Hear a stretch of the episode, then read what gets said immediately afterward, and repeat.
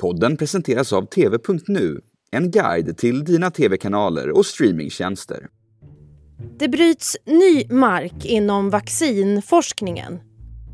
Den snabba framställningen av covidvaccinerna har gett forskarna blodad tand och det pågår studier där den speciella tekniken skulle kunna användas långt mer brett än bara mot covid. Det handlar om mRNA-teknik, även kallat budbärar-RNA. Och vad är då det? Ja, håll i er nu. RNA är en typ av genetisk kod. Och enkelt förklarat så går mRNA-vaccinen ut på att man injicerar en slags mall. En kod med instruktioner för hur cellerna i kroppen ska göra för att bilda en sorts protein. I coronavaccinet så ligger nyckeln i de röda spikarna som du säkert sett på bilder. Vaccinet gör att cellerna börjar producera det som kallas spikeprotein, alltså de spikarna. Kroppens immunförsvar lär sig med hjälp av mRNA sen och känna igen när den riktiga spikfienden kommer. Alltså hur den ska försvara sig om man blir smittad av covid. Med traditionella sätt att vaccinera så krävs det ofta att man får en liten dos av själva viruset. Men med mRNA så behövs bara ett slags recept alltså, för hur kroppen ska göra. Och den här sortens mRNA-vaccin det kittlar forskare världen över.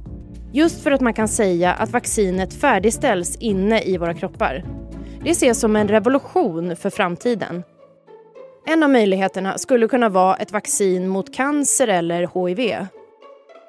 Men en revolution alltså. Så på vilket sätt är den här tekniken banbrytande? Kan det vara så att vaccin mot cancer blir verklighet någon gång? Ja, finns det oändliga möjligheter i framtiden? Det här ska vi ta upp i dagens Aftonbladet Daily. Jag heter Amanda Hemberg Lind. Och det gör vi med vaccinforskare Matti Sellberg på Karolinska institutet. Så hur mycket vet man än så länge om de här molekylerna? Hur långt har RNA-forskningen hunnit än så länge? Man vet ganska mycket om RNA men fortfarande är det ju så vi lär oss varje dag. Och det man vet med RNA, det som är bra med RNA, det är att det går in i cellerna, det översätts i protein, eh, man får ett kortvarigt uttryck och det kan, beroende på vad man vill göra, så är det bra. Till exempel i vaccinsynpunkt kan det vara bra. Det här är en teknik som man har eh, forskat på sedan eh, i princip mitten av 90-talet. Eh, och eh, det man vet det är ju det att eh, RNA är ganska kortlivat. Så att det är någonting som man har fightats mot så att säga, att det är väldigt känsligt, det bryts ner väldigt fort och det har gjort en, utgjort en stor begränsning av hur man har kunnat använda det. Nu har vi ju sett här att formulerar man det rätt i sådana här fett, nanopartiklar, lipidfett nanopartiklar Eh, och fryser så får man en bra stabilitet. Och då har man liksom löst det problemet. Så att två huvudproblem har varit dels stabiliteten plus att det ska in i cellerna. Men i dagsläget så verkar det som att tekniken fungerar väldigt bra. Men det brukar sägas då att det är mer effektivt och, och säkert än andra vaccin. Men på vilket sätt då? Ja, alltså jag skulle inte säga att det är mer effektivt eller säkert utan eh, olika teknologier har sin plats vid olika tillfällen. Eh, och just när det gäller den här eh, covid-vaccinen så har det visat sig att det är väldigt effektivt. Det ger en hög, eh, en kraftig eh, aktivering av immunförsvaret. Eh, men nu har vi också sett att beroende på vilket variant av RNA-vaccin så kan det klinga av lite fortare också. Och vi ser också att det, eh, de kan vara associerade med vissa biverkningar. Normalt sett så, är, så är, skulle det här anses som mycket, mycket säkra vaccin, att de har en väldigt bra säkerhetsprofil. Eh, men eh, det är inte så, tror jag i alla fall, att RNA är the magic bullet som kommer att lösa alla vaccin och alla problem. Utan det här är en del i vår verktygslåda för att kunna ta fram nya vaccin och nya läkemedel. Vi tar en kort paus här med ett sponsormeddelande. Du har precis sett sista avsnittet av din favoritserie och tomheten som uppstår inom dig ekar. Tänk om det funnits en datingtjänst för streaming som matchar dig med enbart relevanta förslag för dig och precis den typ som du är sugen på idag. Gärna kvalitetssäkrat med betyg och recensioner. Med TV.nu smarta sökfunktioner och redaktionella tips och topplistor hjälper TV.nu dig att hitta heta nyheter och pärlor du missat. TV.nu matchar dig med din nästa seriekärlek. Då fortsätter vi Aftonbladet Daily. För drygt 200 år sedan togs det första lyckade vaccinet fram mot virussjukdomen smittkoppor, som i många fall var dödlig. Och vaccinen som kommit efter har följt i stort sett samma princip. En liten del av viruset sprutas in som kroppen sen bygger ett skydd mot. Men med mRNA så har en ny typ kommit. Istället så får kroppen själv bygga ett skydd med hjälp av instruktioner, inte med en del av viruset. Och den här tekniken är inte så ny som man faktiskt kan tro. Jo, den är ny på det sättet att den nu används. Men själva arbetet med mRNA-tekniken, det har forskarna hållit på med i mer än 20 år. Och samma teknik används nu för att kunna behandla viss typ av cancer.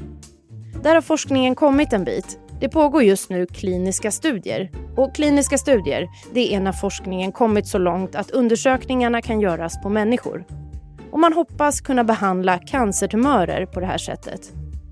Vi ska höra vaccinforskare Matti Sellberg igen.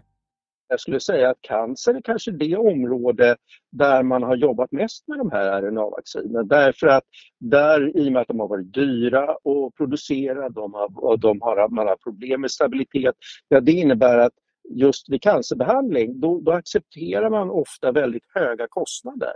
Så att när, inom cancer så ser jag definitivt att det här kan användas på många olika sätt. Och inte nog med att cancer nämns så pågår också studier på att eventuellt kunna vaccinera mot HIV. Men coronavirus och HIV-virus, det skiljer sig åt. När det gäller HIV så har vi helt andra problem där egentligen. Eh, att där spelar kanske vaccinteknologin mindre roll. Utan där gäller det att hitta rätt sorts vaccin. Eh, och det kanske det, vi vet ju och där, problemet med HIV är dels att det är ett virus som förändrar sig mycket mer än vad eh, det här viruset gör och på ett annat sätt. Plus att det bygger in sig i vårt genom. Det gör inte det här viruset. Alltså, vad gäller HIV-virus så är det lite krångligare än coronavirusen eftersom HIV det bygger sig in i vår arvsmassa, beter sig annorlunda i våra kroppar och det ställer krav på vaccinerna.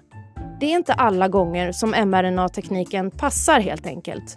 Och fler hinder det kan vara att det är för varmt i landet där man ska göra vaccinet till exempel. Är det infektioner som bara finns i eh, tropikerna eller utvecklingsländer, ja då kan det vara svårt med just den här minus 70-lagringen. Och då kanske man företrädesvis väljer andra teknologier. Det brukar krävas åratal för eh, att eh, ta fram ett nytt vaccin. Mot covid så gick det ju supersnabbt. Men hur ser utsikterna ut nu framåt för att eh, nya vacciner ska bli lika lyckosamma? För att jag tänker det var ju dedikationen, pengarna, mobilisering. Det var ju utan dess like under pandemin. Ja, jag skulle, jag skulle säga att det är två saker som var avgörande för att det skulle gå så fort. Ett, vi har forskat på eh, coronavirus i 17 år. Eh, just med att ta fram vaccin, först mot sars som kom 2003 och sen mers corona. Och det har vi gjort framgångsrikt som har kunnat visa sig i djurmodeller att det skyddar mot infektion och sjukdom. Det var helt centralt. Har vi inte den kunskapen, då kommer det att ta längre tid. Nästa sak, tekniken var mogen. Att den här, vi hade liksom eh, testat tekniken, den hade varit, visat sig säker i kliniska studier. Och Eh, det kombinerat med att vi visste hur vaccinet skulle se ut, det gjorde att det kunde gå väldigt snabbt. Nästa sjukdom, om vi tittar på HIV, där har vi hållit på i 20 år att försöka ta fram vaccin och där har man även testat RNA-vaccin. Så att det, är liksom, det, det, hänger väldigt mycket ihop med vad är det för smitta vi försöker vaccinera mot? Vad är det för sjukdom som vi försöker förhindra? Så att Eh, i vissa fall kommer det att ta ett år, i andra fall kommer det att ta 20 år. Och det är väldigt svårt att säga just vilka som kommer att vara de eh, lågt hängande frukterna och de som man faktiskt måste klättra upp i trädet för att få tag i. Men är möjligheterna oändliga då i framtiden? Och hitta vaccin? Ja, det, absolut. Alltså, oändligt är ju ett väldigt stort ord. Eh, men jag menar, det är ju så att eh, för varje dag som går så lär vi oss något nytt. Och vi lär oss något nytt, dels om hur kroppen fungerar, hur smittämnen fungerar, plus att vi lär oss hur ska vi använda de teknologierna vi har för att de ska kunna eh, användas för att bekämpa olika eh, sjukdomar och smittor. Så att eh, det, det, jag skulle säga att eh, möjligheterna är snudd på oändliga men eh, vi kanske inte har upptäckt alla idag. Så vad vore total jackpot att få fram i framtiden? Eh, jag skulle säga att det är att vi vet exakt hur vi ska designa vaccin framöver. Eh, det tror jag kommer att dröja länge men eh, till exempel att vi får fram ett vaccin som funkar mot alla coronavirus, ett vaccin som funkar mot alla influensavirus och sen att man kan kombinera dem och att de har en eh, hundraprocentig eh, säkerhet och hundraprocentig effektivitet. Det är ju det vi strävar efter, så det vore jackpot. Där hörde du Matti Sellberg, vaccinforskare på Karolinska institutet. Du har lyssnat på Aftonbladet Daily med mig, Amanda Hemberg Lind. Och jag tackar för att du tog dig tid att lyssna. Hej då. Du har lyssnat på en podcast från Aftonbladet. Ansvarig utgivare är Lena K Samuelsson.